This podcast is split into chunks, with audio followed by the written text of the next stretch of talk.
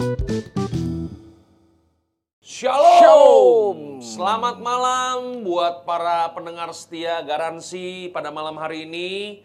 Kami berdoa biar kiranya teman-teman semua dalam keadaan yang sehat, Sehat walafiat. dalam Ya. keadaan yang semangat, ya kan. Dari tadi udah banyak yang waiting nih kayak untuk dahsyat. mengikuti garansi kita ini ya. Semakin garansi ya. Semakin garansi.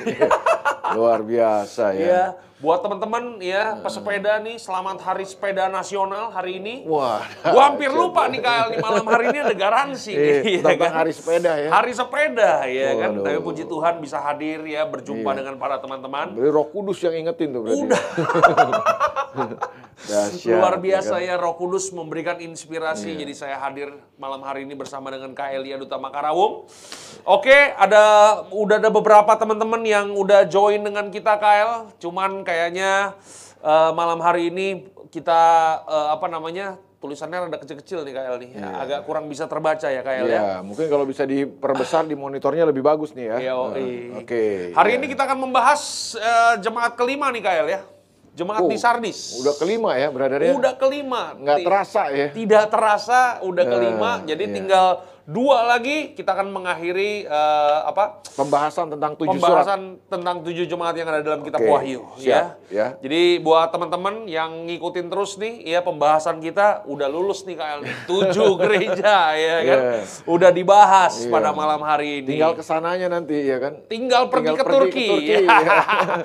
Jadi kalau Iya. teman-teman ya nanti kalau mungkin PSBB udah nggak ada ya corona udah musnah, udah ditemukan Iya. vaksinnya, kita bisa pergi bersama-sama ya Iya. kan KL ya untuk mengunjungi tujuh gereja yang ada di dalam kitab Wahyu. Oke? Iya. Buat teman-teman ya eh, informasi bahwa kita ada di Instagram, Instagram Kaelia Duta Makarawung dan Instagram Dieter Nicholas. Ya. Dan kita juga ingin memberitahukan bahwa teman-teman yang nonton di Instagram, di Instagram itu cuma satu jam Kael. Iya, durasinya satu jam ya. Durasinya cuma satu jam, oleh sebab itu kalau teman-teman nanti mati ya teman-teman Iya. harus masuk kembali supaya mengikuti pembahasan sampai Iya, habis. betul. Oke. Eh, Dan kita juga ada di Facebook Live ya di Ah. Nicholas dan Elia Duta Makarawung New dan kita ada juga live streaming ya di MCC Sleepy. YouTube. ya. YouTube Ah. live streaming. Jadi oke? teman-teman kalau mau melihat kualitas gambar dan suara yang Oke. oke, yang clear, eh, stereo ya kan Wih, dari siap. suara kita berdua, cepat kunjungi eh, YouTube ya YouTube channel. MCC, MCC Sleepy. Sleepy ya. Dan jangan lupa untuk di-subscribe Kyle. Oh iya, Oh iya ya, kan? itu udah pasti dong ya. Jadi jangan cuma sekedar menjadi pengunjung tapi harus menjadi subscriber. Dan pertanyaan. Ya, Ya, ya, jadi buat teman-teman malam hari eh, ini yang mau bertanya, ya kontribusi pertanyaan kita berterima kasih Iya. banget Kyle. ya. pertanyaan maupun pernyataan. Siap, Iya. pasti akan kita bacakan. Iya. Ya. Jangan lupa juga tulis aja komentar supaya kita bisa sapa-sapa Kyle. Siap, Seperti teman-teman yang malam hari ini udah mulai apa namanya? Ya udah mulai ada nih, kita Iya. sapa-sapa dulu Kyle. Ya Siap. dari live streaming. Ada siapa Kyle? Ada Ayub ya. Wah, Ayub Wih. juga setia nih, brother. ya? Siap. Ikan sepat, ikan gabus lebih, Lebih cepat, cepat, lebih, lebih bagus. bagus. Ini maksudnya apa nih? Maksudnya eh, Durasinya. tayangannya harus lebih cepat, Lebih cepat dia. atau jamnya yang dipercepat. Ada Meli Natari. Uhuy, siap menanti. Kebenaran sejati, salam Cikarang. Ini Oh. Meli yang tadi kita sebutkan bukan ya? iya. Yang yang bikin Bakpao. bakpao, bakpao Iya. babi ya, luar biasa ya. Oh, Bakpao waduh. babinya sangat juara ya. juara sekali ya kan? Iya teman-teman bisa pesen tuh. Iya. Mungkin Rabu depan kayak Sabtu ini ya, Sabtu Iya. ini kita akan endorse kayak Iya. ya ba- eh, bakpao babinya. Kemudian ada Pak Willy Ponto, Wah per- ini rekan kita nih yang setia. nih. rekan kita yang setia dari Pamulang ya. Pergi belanja ke pintu besi, beli kain di toko India. Makin rajin dengar garansi, makin mengerti maunya dia. Haleluya. Thank you Pak Willy Ponto buat Siap. pantunnya luar biasa. ya? Iya. Ada siapa lagi mungkin di IG KL udah masuk tuh? Oh ya, di IG kita ada Sugito Wong, ada Lisa Lopez dari Shalom. Kalibata. Shalom. Ada Bu Agnes, ya, Bu siap. Agnes. Eh, Shalom Bu Agnes. Luar biasa salam kerajaan. Juga ada Omalani dari Kalibata. Eh, Ada Tari Munadi. Shalom. Shalom, ya kan. Ah, jadi eh, ini teman-teman di IG juga udah masuk brother, udah Ya. nunggu kita. Juga di ini brother di eh, Live, live streaming, ya, YouTube. Ada pantun juga nih, brother. Glacio Community. Ya. Waduh. Tadi udah kita bacain tuh ya kan ikan sepat di pinggir kali diserok malah berlari. Ngakunya suka nonton garansi, kalau iya coba sini komen di mari kita ngopi. Asik. Ini Panjang Betawi. kan? Betawi nih kayaknya nih ya. Eh, Orang Iya. Betawi nih kayaknya nih ya. Iya, ada Rain Sofil ya, siap menerima kebenaran firman Tuhan lewat garansi, semangat. Wah, Glacio Komi juga kasih komen nih, brother. Ya. Begitu sardis caramu. Wah. Wah. Karena dia, Haleluya. dia tahu kita mau bicara Sardis. jemaat sardis. Iya. Ya. Ada Rain Sofil ya, ada Erlina Tambubolon, Ibu Erlina, Shalom hambanya Pastor Shalom, Elia. Erlina. Ya.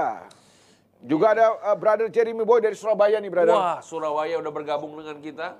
Iya. Ada Herwan Suryana, Shalom. Tasikmalaya, brother. Tasik juga hadir. Iya. Ya. Ada Ciko Rantung. Hatur nuwun Tasikmalaya. Haleluya. Ya.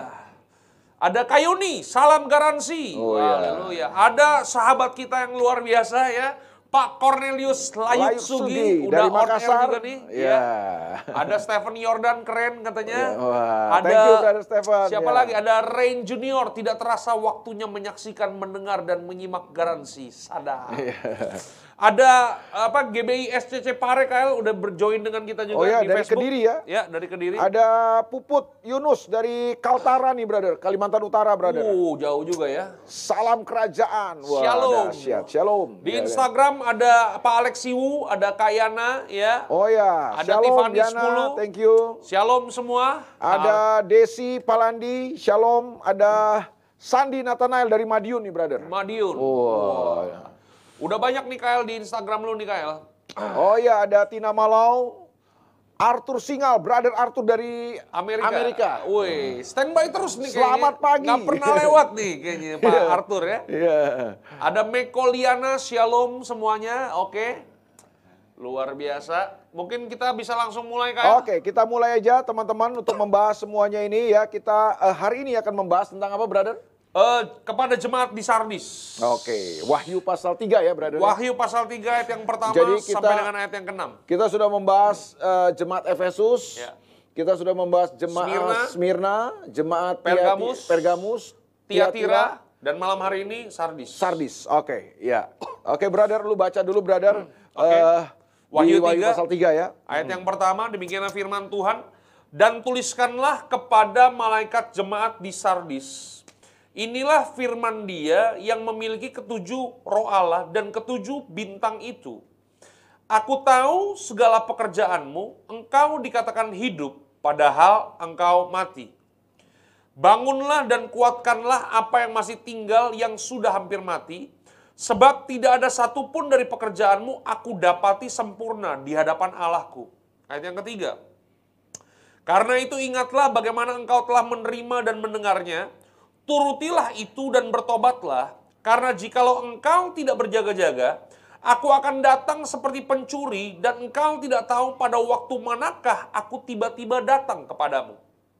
Ayat yang keempat, tetapi di Sardis ada beberapa orang yang tidak mencemarkan pakaiannya.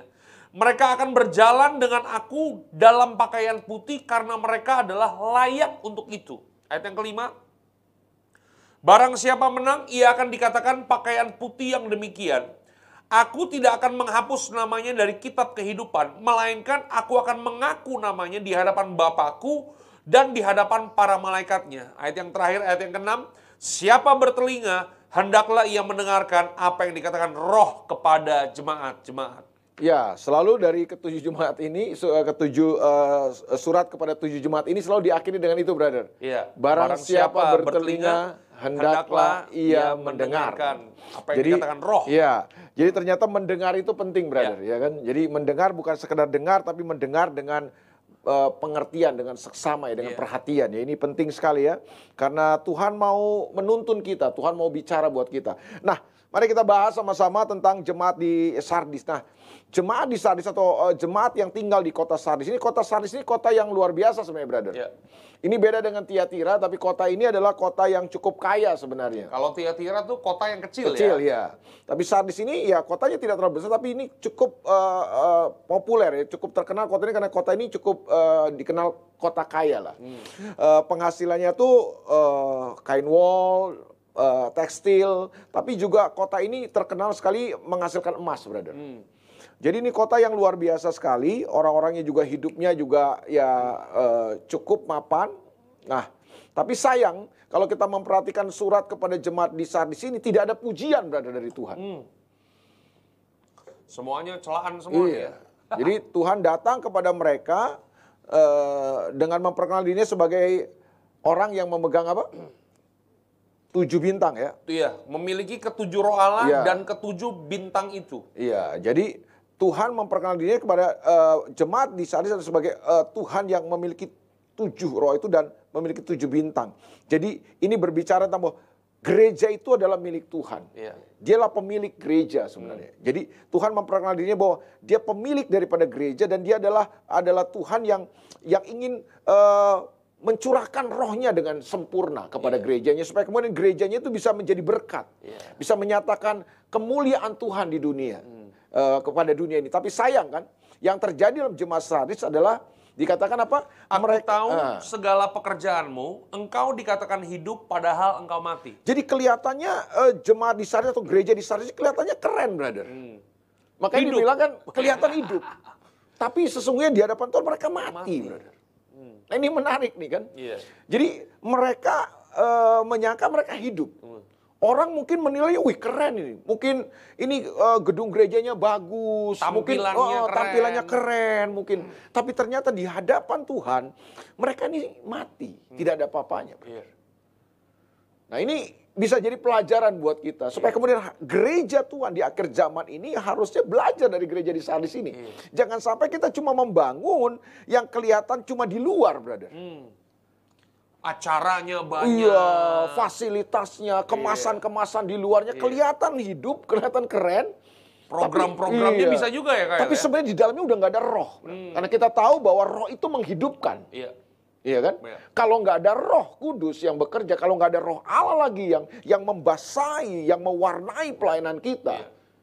apa artinya, brother? Hmm. Ibadah yang kelihatan bagus, ibadah yang kelihatan ke- begitu keren, tapi kalau nggak ada Roh Allah di dalam yang membasahi ibadah kita, kering, brother, mati, brother. Iya. Nggak ada kehidupan karena cuma Roh Tuhan itulah yang memberi kehidupan.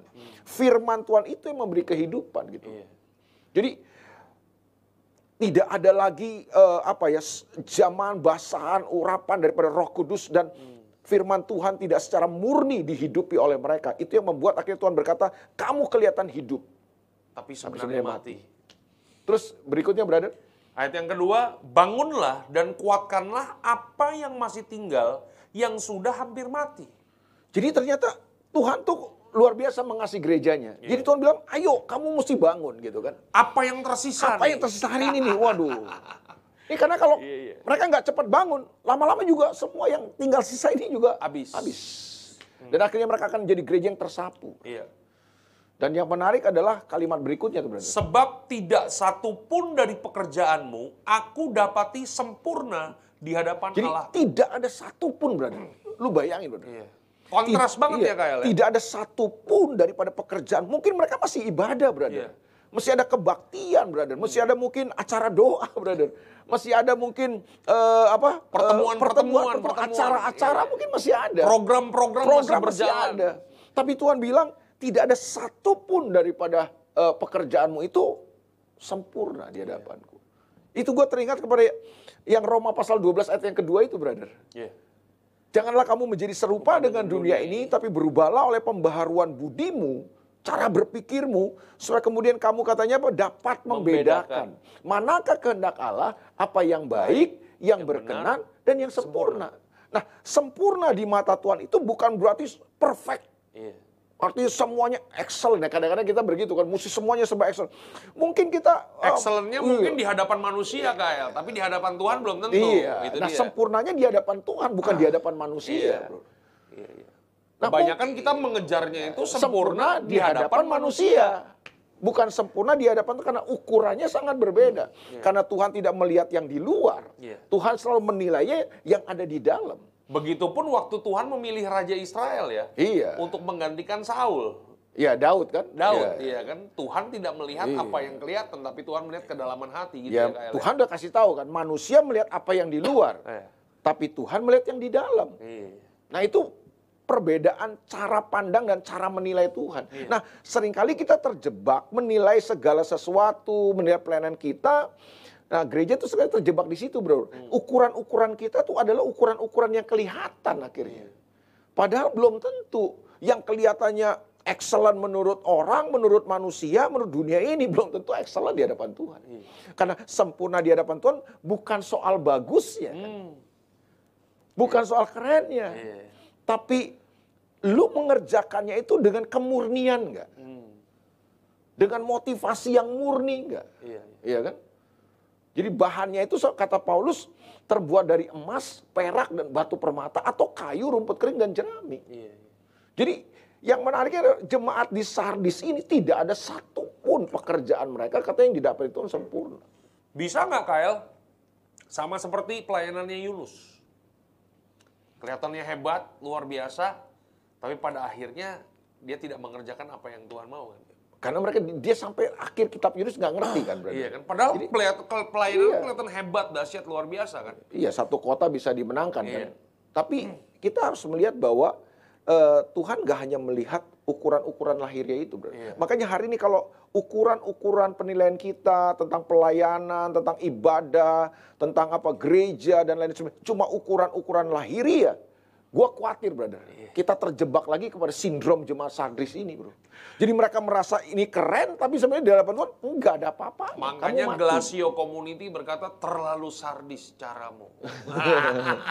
Kelihatannya keren, Keren. tapi udah nggak ada ampas I- iya. roh Tuhan di ada, dalamnya. Iya, nggak ada apinya lagi gitu, nggak Iya. ada roh nggak ada roh Tuhan yang membasahinya lagi. Iya. Jadi semua cuma sekedar apa buatan manusia, bro. Iya, iya. Semua cuma sekedar kemasan manusia.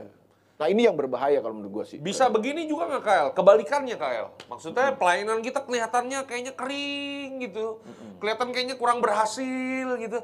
Tapi sebenarnya justru itu yang Tuhan mau. Bisa begitu juga nggak Kael? Kebalikannya. Eh, kering dalam arti apa nih? Mungkin kelihatannya sederhana maksudnya. Iya ya. sederhana. Nah, mungkin kelihatannya sederhana. Jemaatnya mungkin nggak besar. Nggak wah gitu iya kan, nggak mewah gitu kan. Alat musiknya Iya. nggak lengkap gitu. Tapi Tapi ketika kita kerjakan dengan ketulusan, kemurnian, kalau menurut gue itu berada ukurannya. Jadi semua yang kita kerjakan dengan ketulusan, kemurnian, itu pasti sesuatu yang berkualitas di hadapan Tuhan. Wow. Tapi sebaliknya ketika lu mengerjakan pelayanan yang paling hebat sekalipun, tapi nggak ada lagi kemurnian dan ketulusan, berkualitas rendah, brother. iya. Itu yang terjadi pada Yeremia ya. Bener nggak sih? Iya. Itu ya Yeremia. Jeremia kan, wah dalam pelayanannya hampir-hampir mungkin kita lihat nggak ada hasilnya berada Hmm. karena dia udah doa sampai nangis dia memberitakan firman Tuhan kepada bangsa Yehuda sambil menangis bangsa Yehuda nggak mau bertobat Makanya Yeremia disebut nabi nangis, betul nggak iya Eh, terkenal kitab ratapan itu loh berarti Jadi dia udah teng, Oh. apa berdoa luar biasa. Bangsa Israel nggak ada yang bertobat tuh Kael ya. nggak ada nggak nggak sadar nggak mau bertobat Iya. bahkan makanya akhirnya mereka akhirnya di, dibawa ke Babel kan dibuang Iya. ke Babel jadi sepertinya kayak pelayanannya kan nggak ada hasil bro Oh. tapi ternyata justru di hadapan Tuhan pelayanan Yeremia itu luar biasa Itu dia. Ini malam hari ini benar-benar ya kita nih kayaknya benar-benar dirubah cara berpikir kita nih supaya tentang ukuran-ukuran dan perspektif kita, cara pandang kita terhadap pelayanan, terhadap ibadah kita, terhadap apa pun ya dalam Kristen kita ini jangan ukuran-ukuran lahiriah lagi, brother. Iya. Ya, jangan ukuran-ukuran manusia lagi. Harusnya nilai dan ukuran kita berbeda sama nilai dan ukuran dari dunia harusnya. Amin, amin. Iya. Nah sayangnya hari ini banyak sekali gereja mengukur dan menilai sesuatu itu dengan ukuran manusia itu. Iya. Dan mengukur letak keberhasilan pelayanan Iya. juga dari cara pandang Iya, lahiriah manusia iya. gitu kayak. Hamba Tuhan yang di, yang diberkati adalah hamba Tuhan yang keren penampilannya, pakai ba- barang-barang branded, gerejanya mewah, mobilnya bagus. Kita ukur dari situ. Iya. Padahal mungkin jangan-jangan hamba Tuhan yang di atas gunung kidul, di atas eh, Di pedesaan. pedesaan, yang Di pedalaman. iya yang bertahun-tahun mungkin melayani cuma lima jiwa, enam jiwa, Iya. brother ya. Tapi kalau dia lakukan itu dengan tulus, dengan kesungguhan, dengan kemurnian, jangan-jangan mereka lebih berkualitas pelayanannya di hadapan Tuhan. Iya. Jangan kayak kita kita gini yang kelihatan Di kota. Wah, iya kan. Justru sebenarnya tidak satu pun katanya. Pekerjaanmu yang kudapati kudapati sempurna. sempurna. Luar biasa. Peringatan Terus, buat kita. Iya. Ayat yang ketiga, karena itu ingatlah bagaimana engkau telah menerima dan mendengarnya. turutilah itu dan bertobatlah. Karena jikalau engkau tidak berjaga-jaga, aku akan datang seperti pencuri dan engkau tidak tahu pada waktu manakah aku tiba-tiba datang kepadamu. Nah, jadi ini maksudnya apa nih bro? Maksudnya nih ayat 3 ini gini loh bro. Bro, ternyata Tuhan itu awalnya tuh jemaat saat ini dibangun dengan kebenaran yang murni brother. Iya. Dengan firman Tuhan yang murni. Mereka memulainya dengan sesuatu yang murni brother. Karena disuruh ingatlah Iya. ya apa yang dulu Iya. ya. Bagaimana engkau telah menerima dan mendengarnya. Iya. Iya. Mungkin semua pelayanan mereka dilakukan dengan sebuah motivasi yang luar biasa di hadapan Tuhan. Tapi ternyata dalam perjalanan waktu. Kemudian mereka mulai luntur. Nilai-nilai mereka mulai luntur gitu loh brother. Jadi sehingga apa yang mereka lakukan akhirnya bukan lagi dengan ukuran-ukuran Tuhan. Tidak lagi dengan ketulusan, kemurnian, dengan motivasi yang sungguh-sungguh di hadapan Tuhan. Kelihatan masih bagus tapi sebenarnya sudah tidak ada roh di sana, tidak ada kehidupan di sana. Gitu. Jadi semua cuma sekedar sebuah acara yang kaku, beku, dan gak laku sebenarnya di hadapan Tuhan. Ya kan? Kaku, beku, dan gak laku. Bro. Karena kata hidup itu bisa berhubungan juga dengan pertumbuhan nggak sih Kak? Maksudnya? Iya. Iya kan maksudnya ya, Ya sesuatu yang hidup bertumbuh. pasti harus bertumbuh Ada dong. pertumbuhan dong, pasti Iya, kan gitu kan. iya. Ya bertumbuhnya sekali lagi bukan ukuran manusia gitu loh kan. Ya bertumbuhnya bukan kuantitasnya Iya. juga tapi kualitas di Iya, dalamnya itu iya. Kak ya. Iya. Nah, yang menarik adalah Tuhan di dalam ayat ini berkata, kalau kamu tidak bertobat, aku akan datang apa katanya? Kalau engkau tidak berjaga-jaga, Oh, aku tidak akan berjaga. aku akan datang seperti pencuri. Nah, kata berjaga-jaga ini, bro, Nah. ini merupakan kata yang paling penting buat orang sardis. Kata jadi, kunci nih ya. jadi ketika lu berkata eh, berjaga-jaga, itu kata yang sangat eh, familiar, sangat populer buat orang sardis. Hmm. Kenapa tuh, Karena Kak? ini kata-kata seperti kalau kita di merdeka gitu loh, brother. kalau di Indonesia kan gitu, brother. Orang kalau bilang merdeka disambung merdeka. Nah ini kata berjaga seperti itu buat orang sardis. Kenapa? Karena ada sejarah dalam dari kota ini dua kali bro. Mereka mengalami hal seperti itu. Jadi waktu kota Sardis di- dikuasai oleh seorang raja yang eh, sangat hebat ya, Sardis mencapai puncak kejayaannya. Lalu kemudian ada kerajaan Persia yang mereka mau taklukan. Tetapi ternyata kerajaan Persia ini cukup kuat, brother. Sehingga yang terjadi akhirnya mereka gagal menaklukkan eh, kerajaan Persia ini. Yang terjadi adalah timbul permusuhan abadi, brother. Itu sebabnya kedua kerajaan ini berusaha untuk saling mengalahkan, Menghancurkan ya. menghancurkan. Dan dalam sejarah kota ini, pasukan eh, kerajaan Persia ingin menaklukkan eh, kota Sardis ini dengan cara apa? Mereka bingung, brother. Karena ini kota Sardis terletak di di bukit dan dikelilingi oleh apa ya eh, dinding-dinding yang terjal, dinding bukit yang terjal, tebing-tebing yang curam gitu, brother. Jadi susah sekali untuk menyerang kota ini, brother. Nah itu sebabnya si penguasa Sardis kota Sardis ini merasa aman, brother. merasa Santai aja. santai aja. Ini nggak bakal nih eh, musuh nggak bakal bisa menyerang. Itu sebabnya di benteng-benteng di tembok kota Sardis ini kemudian cuma di, di- di- ditaruh beberapa penjaga di tembok aja. Tapi satu hari ada sebuah peristiwa, brother. Ketika seorang penjaga kota Sardis di tembok kota Sardis ini, zaman dulu kan kota semua punya tembok untuk Iya. melihat musuh datang apa enggak gitu. Iya, kayak film-film kolosal iya. gitu lah ya. Jadi ada satu penjaganya yang ketiduran, topinya jatuh, brother. Nah, ketika topinya jatuh, dia ambil. Dia turun melalui jalan rahasia, brother. Oh. Untuk mengambil topinya itu. Iya. Nah, tanpa dia sadari, Ada yang mantau. ada musuh dari kerajaan Persia ini yang memantau, bro. Melihat, oh ternyata ada jalan rahasia, bro. Nah, waktu penjaga ini kembali, mereka sudah pelajari, oh lewatnya situ tuh, jalannya di situ tuh. Dan lu tahu apa yang terjadi berikutnya? Hmm. Pasukan kerajaan media ini, kerajaan musuh eh, Persia ini, eh, mereka berhasil masuk lewat jalan itu, bro. Jalan rahasia itu menyusupkan pasukan-pasukan dan satu hari ketika mereka sudah kuat di dalam, Serang. mereka mengalahkan. Nah itulah makanya Tuhan bilang apa? Kalau kamu tidak berjaga-jaga, aku aku akan, akan datang seperti pencuri. Nah itu seperti begini itu makanya itu bahasa yang sangat dimengerti orang orang jemaat Sardis karena ini menyangkut sejarah kota ini dan dua kali peristiwa itu terjadi, brother. Dua-duanya kayak begitu. Kayak begitu. brother. Jadi merasa hebat, merasa kuat, Kuat. merasa aman, tapi ternyata kecolongan, brother. Merasa hidup. Eh, Wah, itu tadi ya.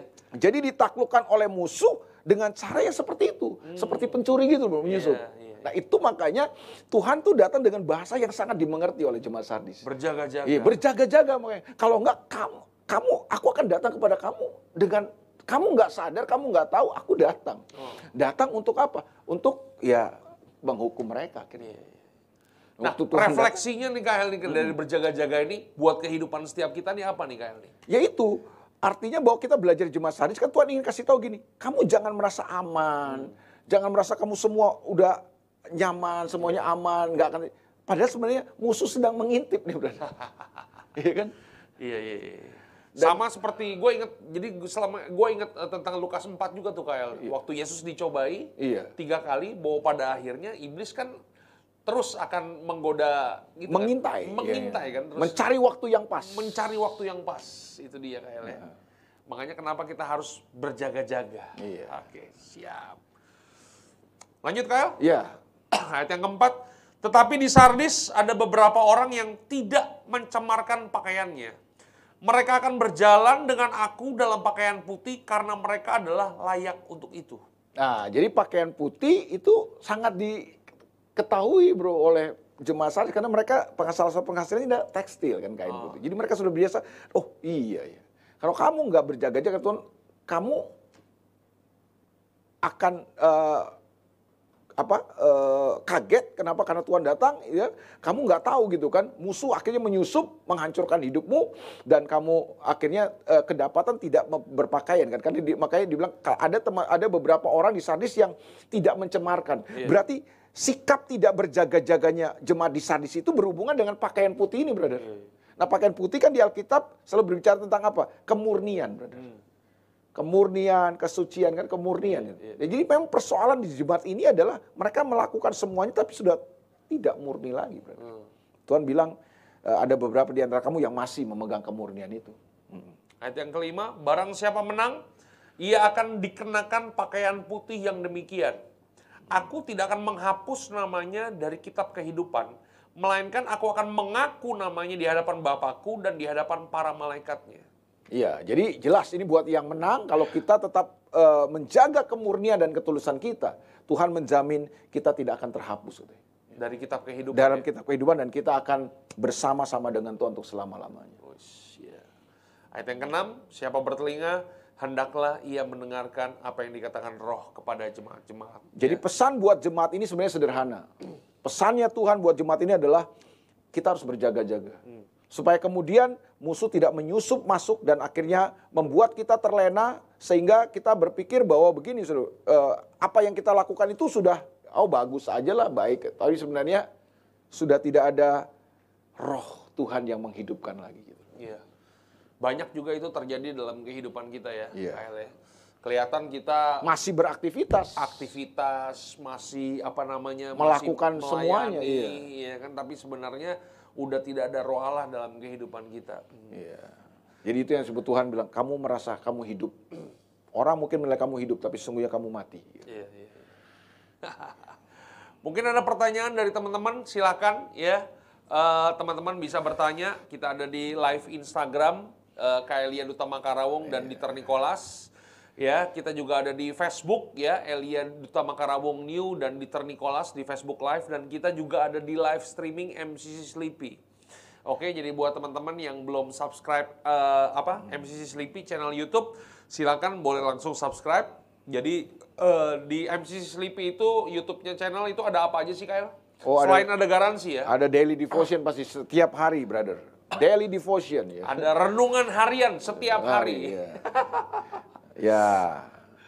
Ada Khotbah hari Minggu ya. Ada kebenaran-kebenaran firman Tuhan yang kita sampaikan lah. Dan eh, kita terus mau eh, menyampaikan kebenaran firman Tuhan yang sejati, yang murni. brother. Siap. Gue hari-hari ini juga lagi belajar satu hal bahwa, oh iya, kapan kita, mungkin kita masih ada di gereja, kita masih ada di pelayanan lu brother. Tapi kalau kita udah nggak punya ketulusan, nggak ada kemurnian ya, semuanya eh, cuma kepentingan kita yang kita kerjakan, cuma sekedar eh, aktivitas agama. Tidak ada, Mental. semua akhirnya satu saat akan hancur. Iya, iya. Nah itulah di situ kadang-kadang eh, musuh kita ini menyusup untuk mengipas-ngipas kita, brother. Sehingga kita ini merasa eh, aman, nggak ada apa-apa, semua berjalan dengan baik, tapi ternyata musuh telah mengintai. Ya. Dan itu sudah kita buktikan Kael ya. Iya. Mungkin ada beberapa yang ke- ketahuan karakter aslinya. Iya, ya iya. kan, Kael, ya? Kelihatannya tuh nih hebat pelayanan tapi ya itu lagi ada motivasi-motivasi yang udah nggak baik. Hmm. Ada motivasi-motivasi yang udah nggak nggak nggak bagus ya, udah nggak ada kemurnian itu. Iya. Nah, ketika Tuhan datang menguji kita semua, habis kita. Selesai. Kenapa? Makanya- Karena ternyata didapati kita nggak berkualitas. Bro. Itu dia. Makanya Tuhan bilang kepada kita berjaga-jaga. Berjaga-jaga, Hati-hati itu. Ya, ini udah ada pertanyaan nih Kael dari, woi, ini kami bertanya. Wah, ini akunnya kami bertanya. Memang Iya, ini iya. harus bertanya Kael ya. Memang dia diciptakan untuk bertanya berarti. Ya, pertanyaannya begini, apakah pekerjaan yang tidak sempurna berhubungan dengan keselamatan? Jika demikian berarti kita harus berkeadaan sempurna di hadapan Allah untuk selamat? Tadi kita mungkin udah jelasin ya. Iya. Yang dimaksud eh, sempurna itu terlalu ukurannya bukan ukuran kita. Bukan ukuran manusia. bukan ukuran manusia ya kan Eh, ukuran Tuhan itu bu- menurut gua bicara tentang motivasi dasar ketulusan kemurnian dalam kita mengerjakan semuanya dalam berkorban dalam memberi dalam beribadah dalam berdoa Tuhan cari kemurnian dan ketulusan itu kesungguhan Itu bensin iya pelayanan kita lah Iya. itu ya. Jadi kapan kita mengerjakan semuanya tanpa ketulusan, tanpa kemurnian, tanpa kesungguhan di hadapan Tuhan, Ya. kita berkualitas rendah. Hmm. Tapi sebaliknya mungkin kata-kata lu nggak bagus dalam doa, brother. Ya mungkin khotbah lu kurang bagus. Mungkin pelayanan kita cuma jadi asyir gitu kan. Mungkin nggak kelihatan Iya, gitu. ya mungkin gedung gereja kita juga mungkin sederhana. Tapi waktu kita kerjakan pelayanan itu dengan ketulusan, kemurnian dan kesungguhan, Iya, iya. itu lebih berkualitas di hadapan Iya, berjaga-jaga gue jadi ingat itu tuh kisah gadis bodoh dengan gadis bijaksana. Bijaksana, Itu iya. bisa nyambung ke situ nggak Kael? Bisa aja kalau mau Bisa. sambung-sambungin ya. Asal jangan cocok logi. Ah, ya kan? siap. Kalau bilang bisa nyambung, bisa, brother. Bisa nyambung. Alkitab semua tersambung, brother. ya kan? Ada benang merahnya Iya. pasti kan? Betul, setuju. Kan Iya. berjaga-jaga ini kan maksudnya karena musuh kita itu sering kali datang itu menggoda kita tuh menyusup masuk itu yang ketika kita lengah sedikit aja kita lengah. Nah seperti yang sejarah di kota Sardis itu bro. Iya, iya. Cuma gara-gara topi Jatuh, Jatuh, bro. lewat jalan rahasia. Iya. Mereka merasa bahwa ah nggak ada musuh yang bisa nyerang kita nih kan. Eh ternyata musuh udah ngintai brother. Wah jalan rahasianya ke sini nih. Hmm, iya, iya. Dan akhirnya musuh berhasil menaklukkan. brother. Iya, iya, iya. Gitu ya. Jadi uh, apakah pekerjaan tidak sempurna berhubungan dengan keselamatan, Kael?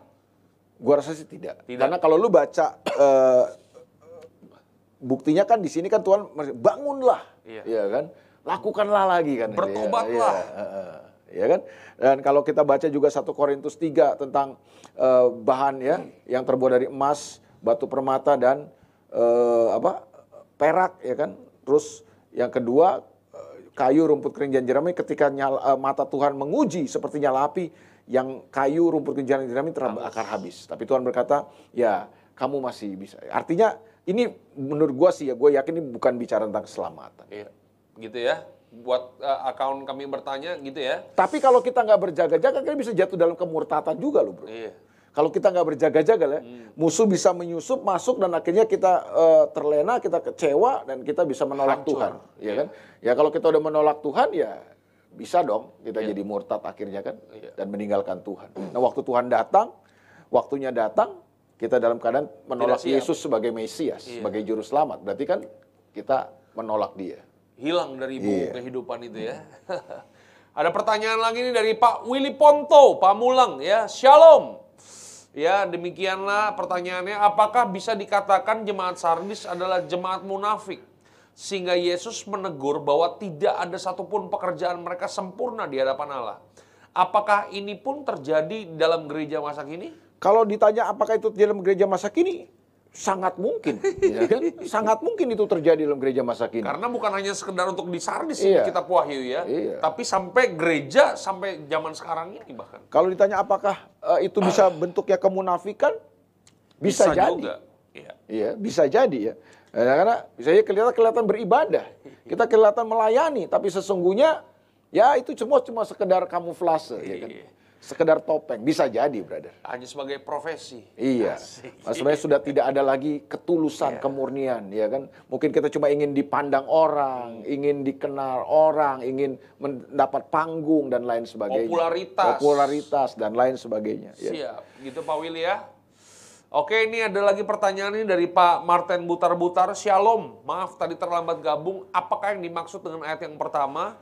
Firman dia memiliki tujuh roh dan tujuh bintang. Ya tujuh selalu bicara tentang angka sempurna, kesempurnaan, brother, ya kan? Jadi Ya. dalam tatanan bahasa uh, Ibrani itu tiap angka itu ada maknanya. makna Pak, ya dan angka ketujuh kita sama-sama tahu bahwa itu bicara tentang kesempurnaan. Nah, Tuhan sedang memperkenalkan dirinya kepada jemaat di Sardis bahwa dialah yang memiliki ya, roh roh Tuhan itu dari Tuhan. Iya. Nah, roh itu yang diberikan roh yang sempurna itu yang diberikan Tuhan kepada gereja itu Roh Kudus kan itu roh yang sempurna kan dari Tuhan. Nah, tujuh bintang ini kan bicara tentang tujuh jemaat ini kan. Nah, tujuh jemaat ini ada gereja, ini milik Tuhan gitu. Gereja itu milik Tuhan gitu. Ya. Di mana Tuhan kasih Roh Kudusnya itu untuk gereja. Roh Kudus yang sempurna diberikan kepada itu untuk gerejanya. Jadi Tuhan mau gereja miliknya ini hidup dengan Roh Kudus ini kan. Semuanya harus dibasahi, diwarnai, di, di drive oleh Roh yang sempurna ini gitu. Iya. Jangan sampai terjadi ayat yang kedua itu kamu Iya. kelihatan hidup tapi mati gitu ya. Oke, ada pertanyaan lagi nih dari Facebook Kaelia ya. Yosua. Karena sudah tidak mengandalkan Roh Kudus ya. Hmm. Kita melayani udah nggak mengandalkan Roh Kudus. Kita semuanya tidak mengandalkan Roh Kudus. Mengandalkan pengetahuan kita, mungkin mengandalkan eh, kehebatan kita. Jadi sudah tidak ada ketulusan kemudian kesungguhan. Ya. Ini ada Yosua pertanyaan ini dari Facebook Kael. Saya mau bertanya jemaat Sardis itu dilayani oleh siapa ya?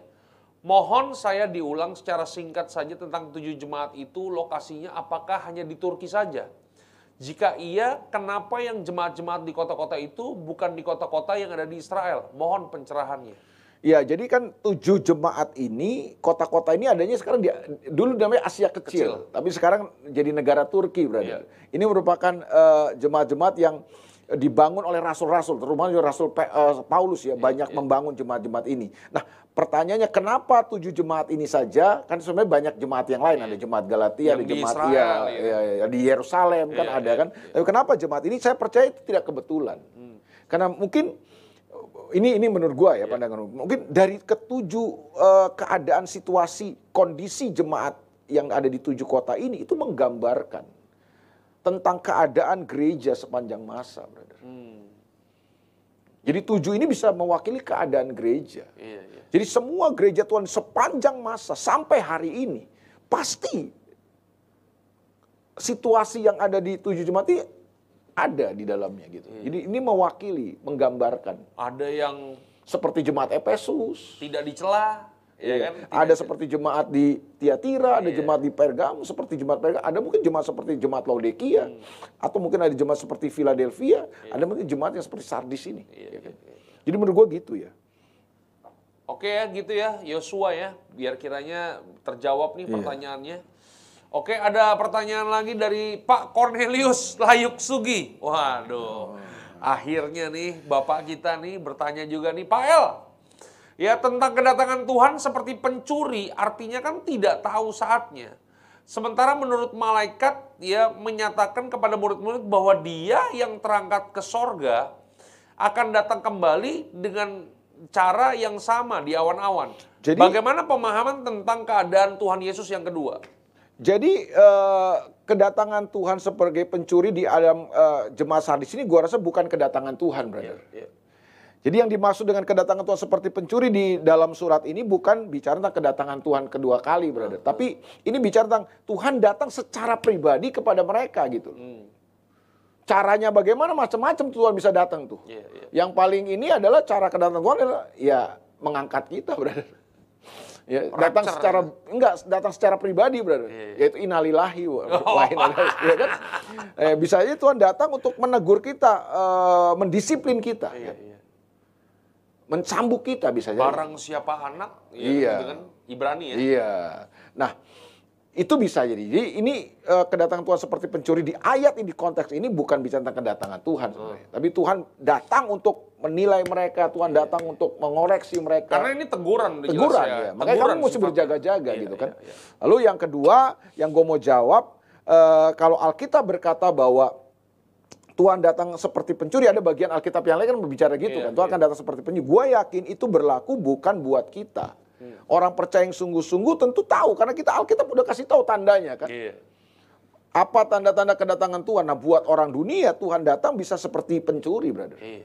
Karena mereka tidak tahu. Iya, Tapi Tuhan datang buat kita bukan sebagai pencuri dong.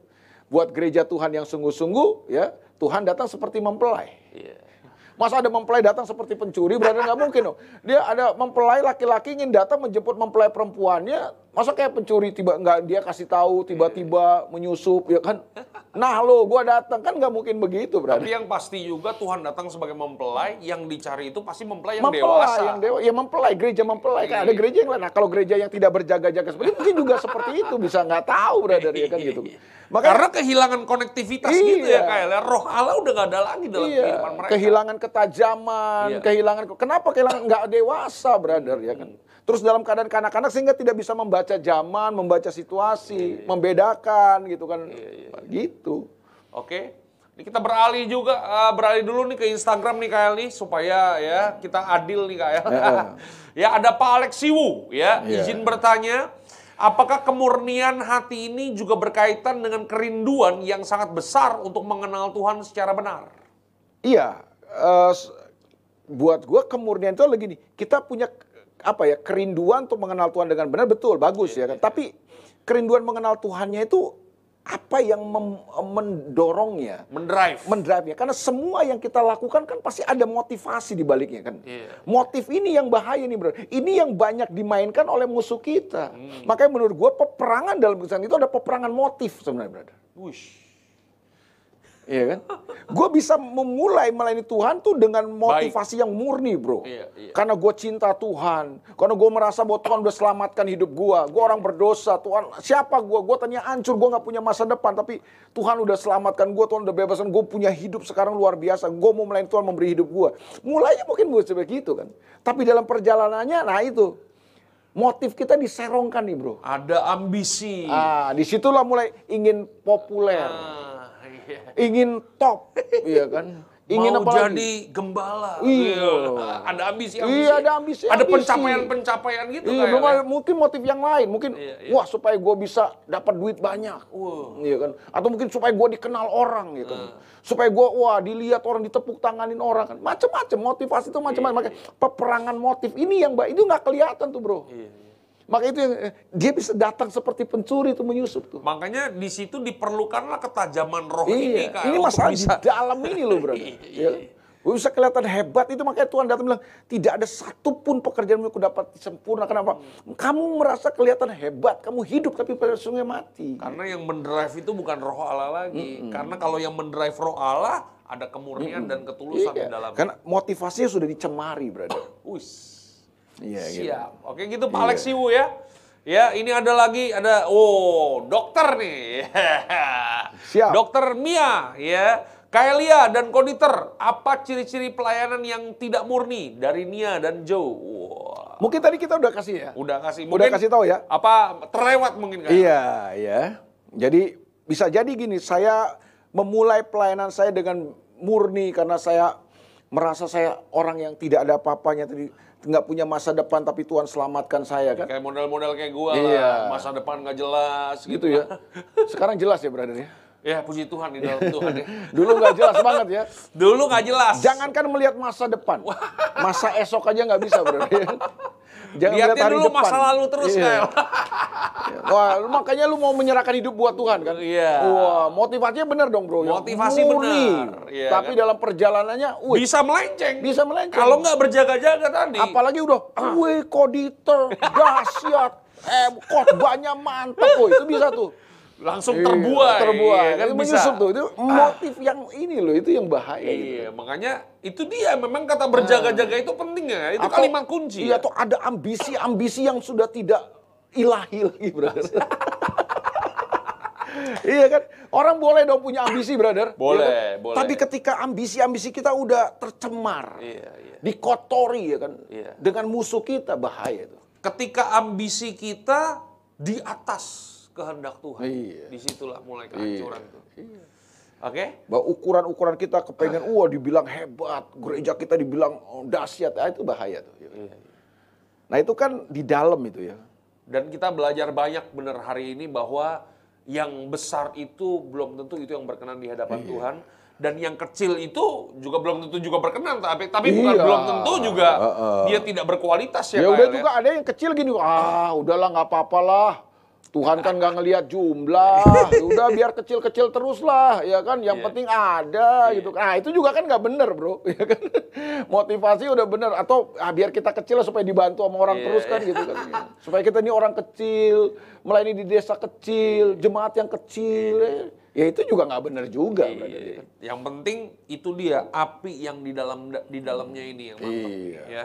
Yang kecil belum tentu benar, yang gede juga belum tentu benar ya Iya, kan. Ya gitu maksudnya ya. Tapi semua kan ukurannya apa ya?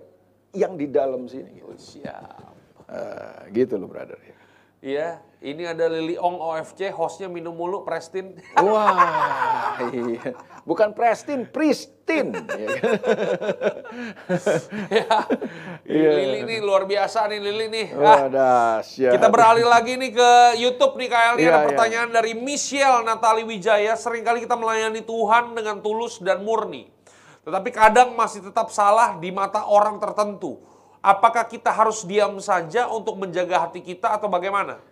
Ya begini, kalau kita yakin bahwa apa yang kita kerjakan itu tulus, dengan ketulusan, dengan kemurnian, nah orang menganggap kita salah. Ya biarin aja dia menganggap salah. Yang penting di hadapan Tuhan kita nggak salah. Iya. Kan gitu. Daripada kita di mata manusia benar, dianggap benar, tapi Iya, di hadapan Tuhan salah. Iya, iya. Kan parah. Menurut saya mah lebih baik, ini menurut gua ya berarti ya. Iya. Lebih baik kita dianggap manusia salah daripada dianggap Tuhan salah. Iya.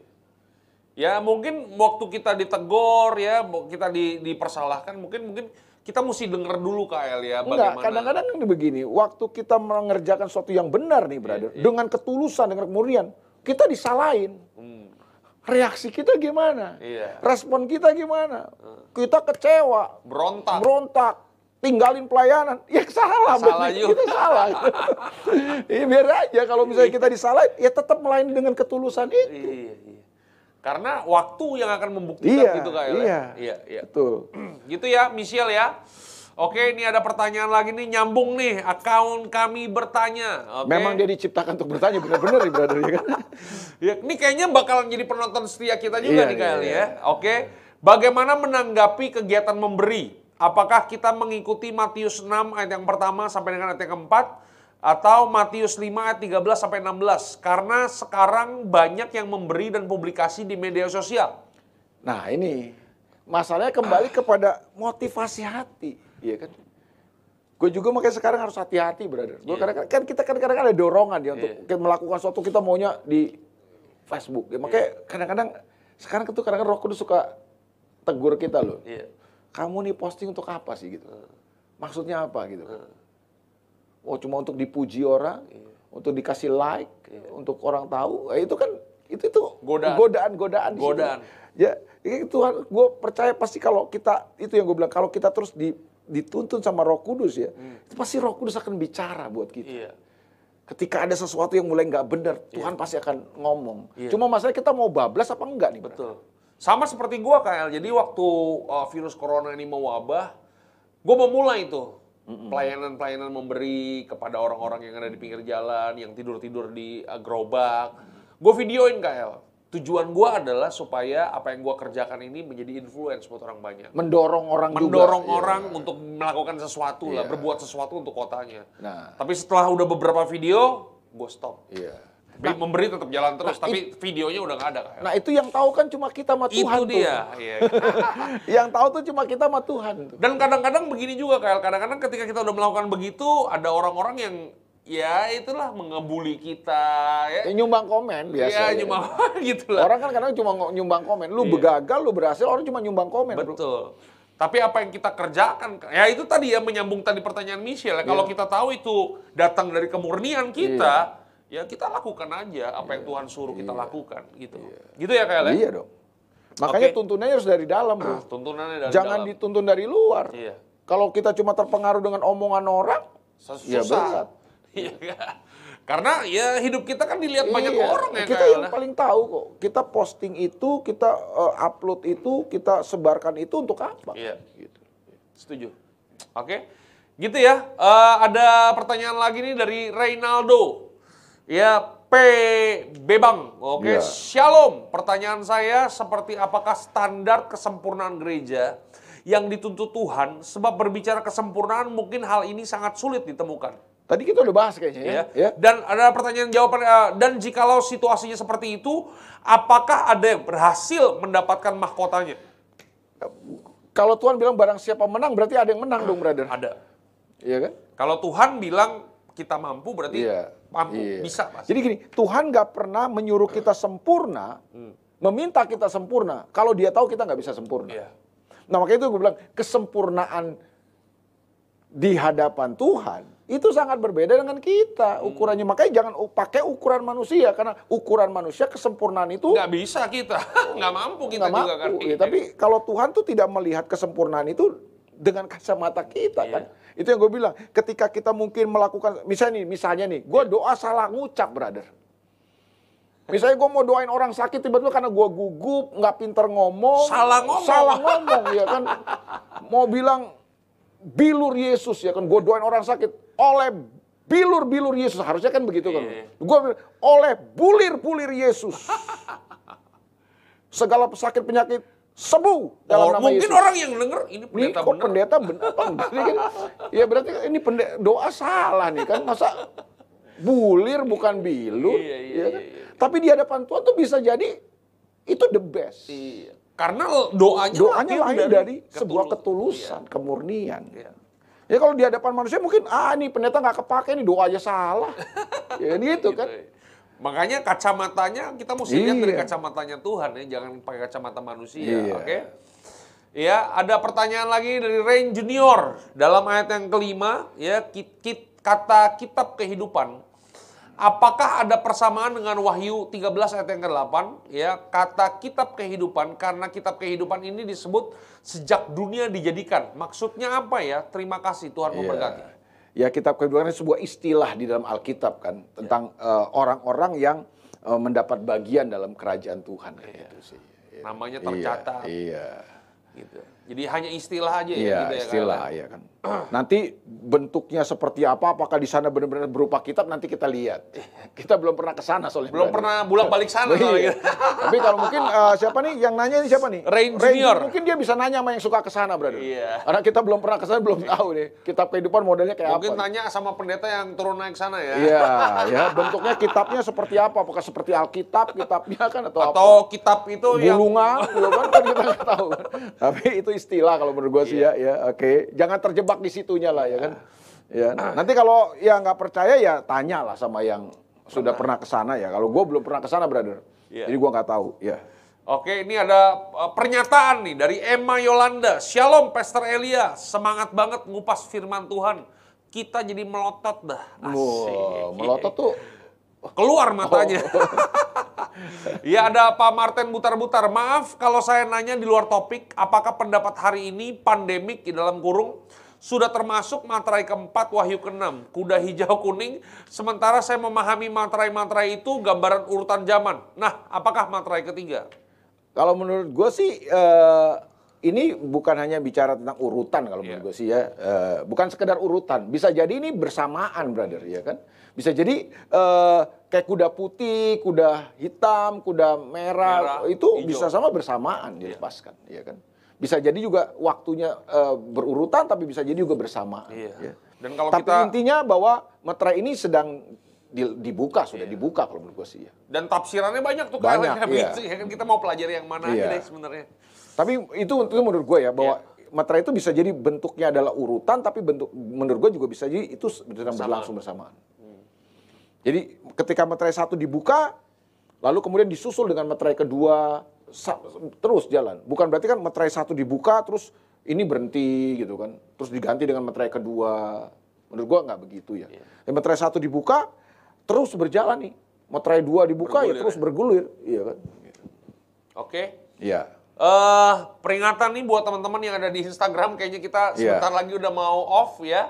Jadi teman-teman yang ada di Instagram kalau udah off langsung masuk lagi. Masuk lagi, mesti Di- masuk lagi. Kenapa masuk lagi, brother? Karena untuk kita bisa mengakhiri dengan baik, Kak. Finishing well. Finishing well, ya kan. Jadi buat yang ada di Dieter Nicholas Instagram dan Elia Makarawung Instagram, jangan lupa masuk lagi, oke? Ya. Ini ada pertanyaan lagi nih dari kami bertanya lagi. Wah, Oke. ya, bagaimana organisasi gereja yang menuntut selalu memberi bantuan orang lain lewat gereja lokal, tetapi tidak pernah menyarankan gereja atau tubuh Kristus untuk memberi secara langsung kepada orang di sekitar kita. Maksudnya apa ya? Coba ulangi, brother. Ya, jadi belum- bagaimana bagaimana organisasi gereja yang menuntut selalu memberi bantuan orang lain melalui gereja lokal. Jadi kalau lu mau bantu orang, mesti lewat gereja, nggak boleh langsung sendiri kayak. Oh. kayak gitu. Menurut gua sih nggak ada ayatnya ya begitu ya.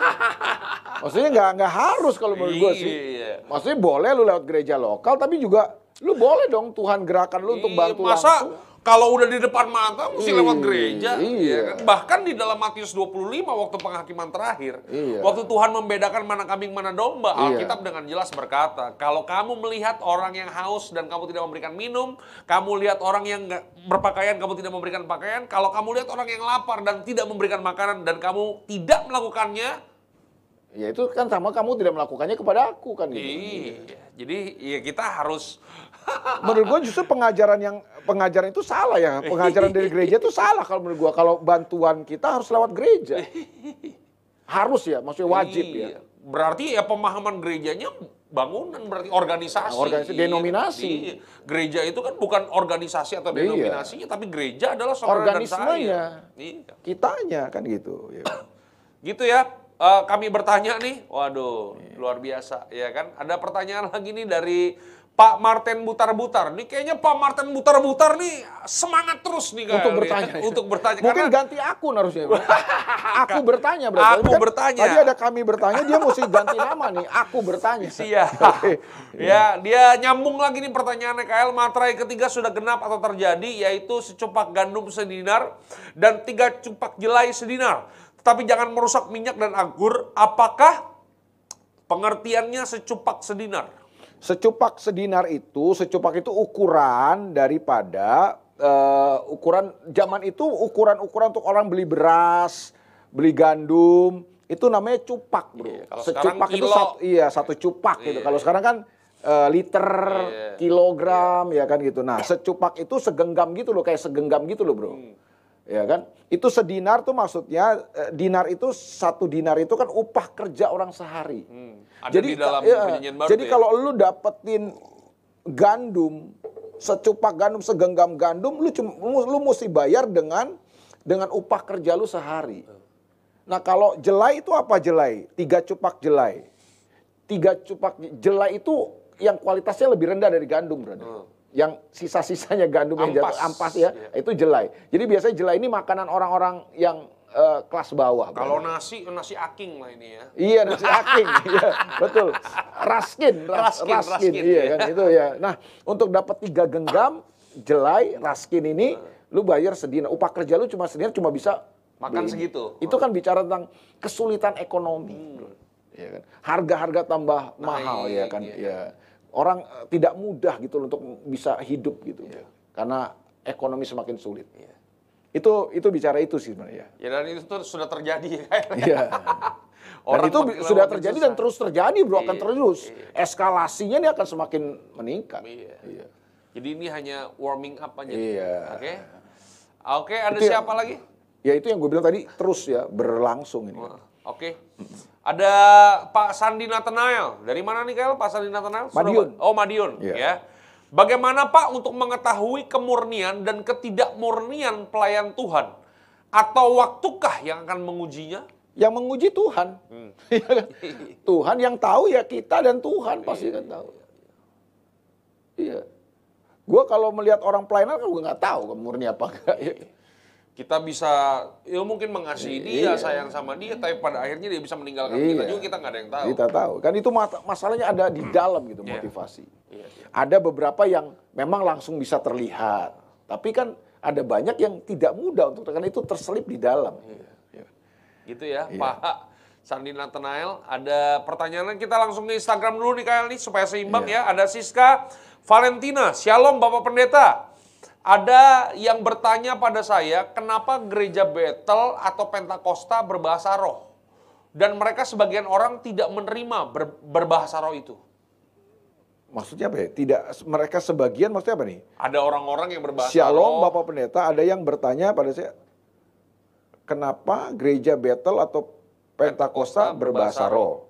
Dan ada sebagian lagi mereka yang tidak berbahasa roh. Maksudnya orang-orang di Pentakosta ini? Iya di Betel. Eh kalau kita belajar kan orang Betel, Pentakosta ini kan basicnya pengajarannya kan aliran Pentakosta, Iya, brother. iya. Nah aliran Pentakosta ini lebih mengedepankan atau mengutamakan tentang karunia roh. Yang diajarkan itu iya, ya, ya? Iya, pekerjaan roh kudus ya kan dan lain sebagainya dan karunia-karunianya ya. Iya. Otomatis ya eh, aliran ini eh, lebih menekankan di sananya gitu, Iya. brother, ya kan gitu kan. Sementara kayak eh, mungkin aliran Injili lebih menekankan kepada kebenaran yang eh, ditulis ya, yang Injil katakan ya. gitu. Jadi kalau aliran-aliran karismatik dan eh, Pentakosta lebih menekankan kepada eh, pekerjaan-pekerjaan Roh Kudus. Iya. Kita mau yakini bahwa eh, Roh Kudus itu adalah pribadi Allah yang akan memenuhi gereja Tuhan, orang percaya dan bahkan bekerja untuk menyatakan eh, kemuliaan Tuhan lewat setiap orang percaya. Ya.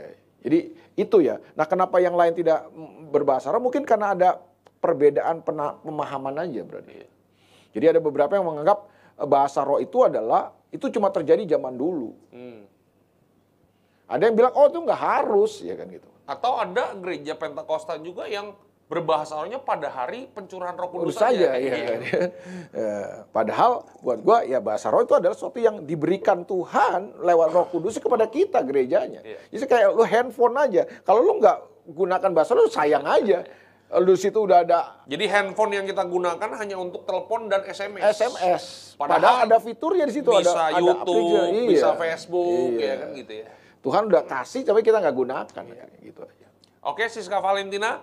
Ada pertanyaan lagi nih dari Instagram. Kita beralih ke Instagram nih, Kael. Ada Iya. Tina Malau. Shalom.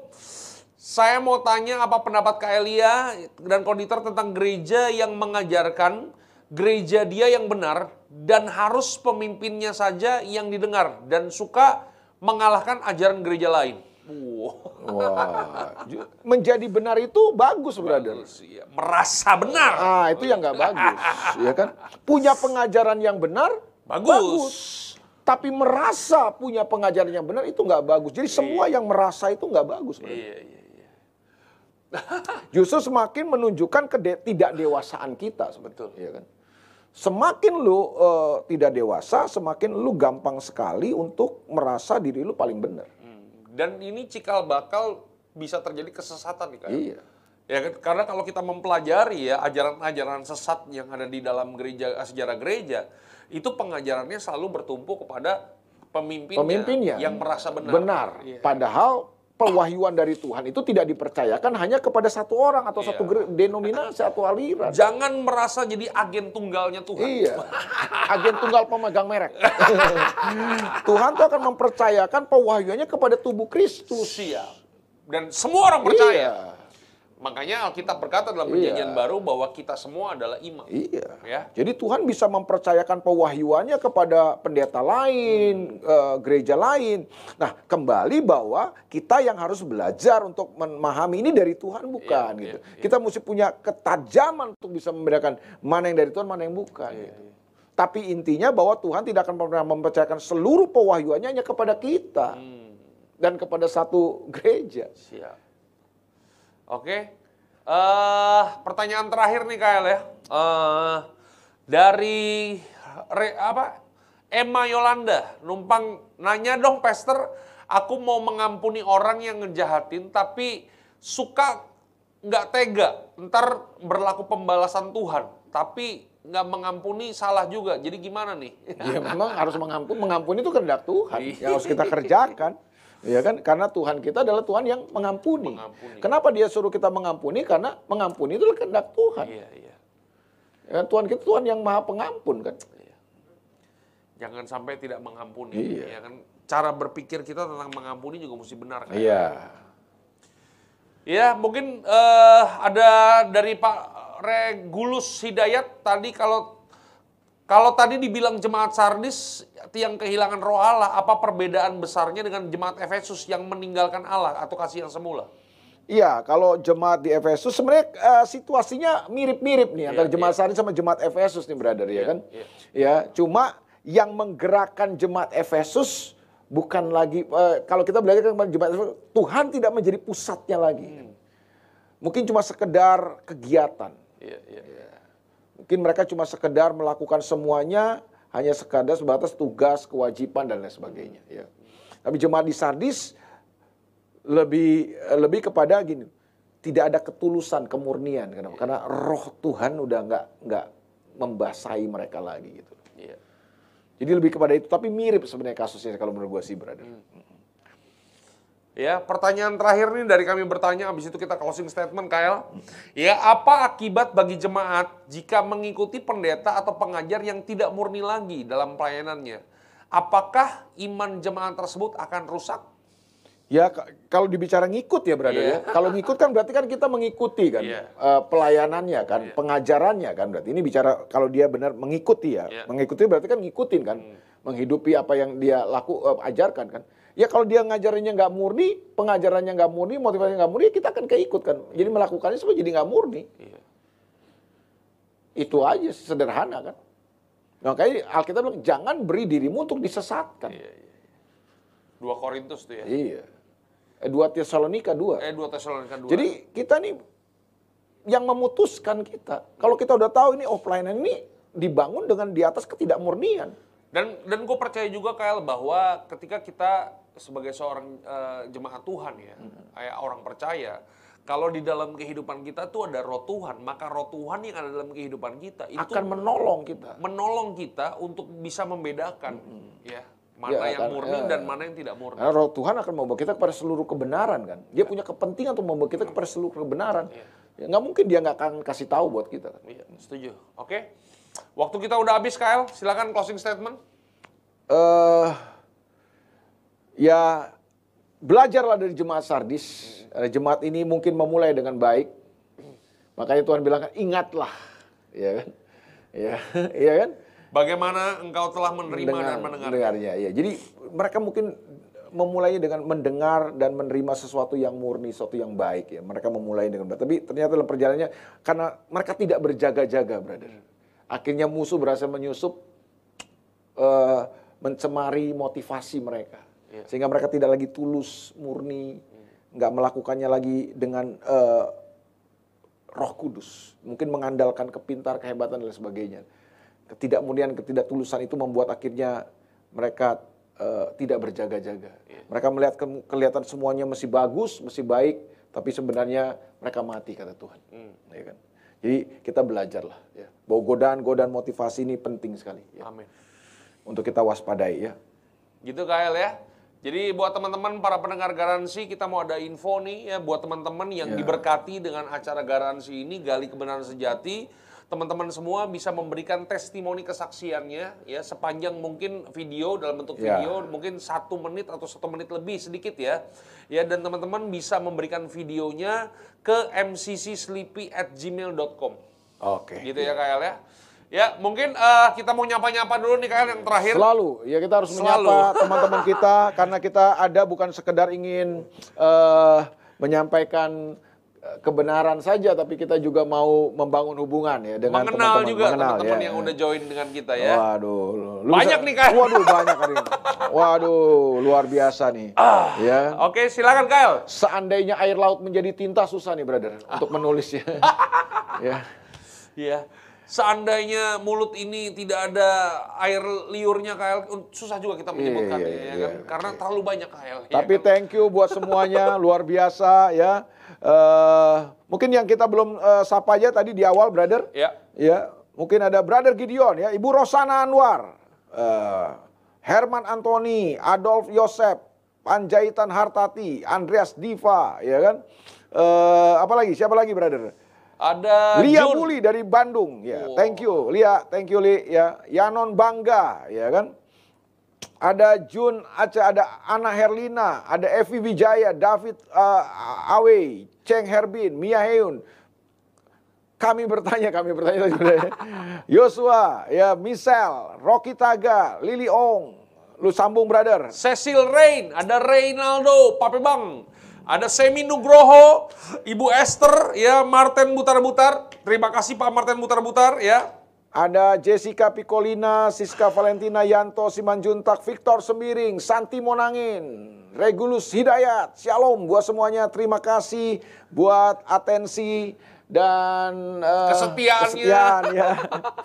Untuk stay tune terus Ya. di Garansi. Kita berharap kita terus bisa bersama-sama untuk menggali kebenaran yang sejati, brother. Ya. Di setiap hari Rabu malam dan Sabtu, Sabtu, malam jam, jam, berapa? 7.45 sampai dengan jam 21.00. Oke. Jadi sekali lagi buat teman-teman yang ingin memberikan testimoni kesaksiannya, jangan lupa memberikan videonya sepanjang satu menit atau satu menit lewat 15 detik Iya. ya, dan akan dikirimkan ke mccsleepy at gmail.com. Oke? Dan hari Sabtu depan, eh, hari Sabtu bukan hari Sabtu yang akan datang, kita akan membahas apa, brother? Jemaat yang ada di Philadelphia. Philadelphia. Ini, favorit juga nih kali. Jemaat yang keenam ya. Ya. surat yang keenam eh, jemaat Philadelphia. Eh, saya berharap kita berharap semua teman-teman bisa tetap eh, stay tune di garansi. Di Garansi. Garansi itu apa sih, brother? Gali kebenaran sejati. God bless you. Tuhan memberkati.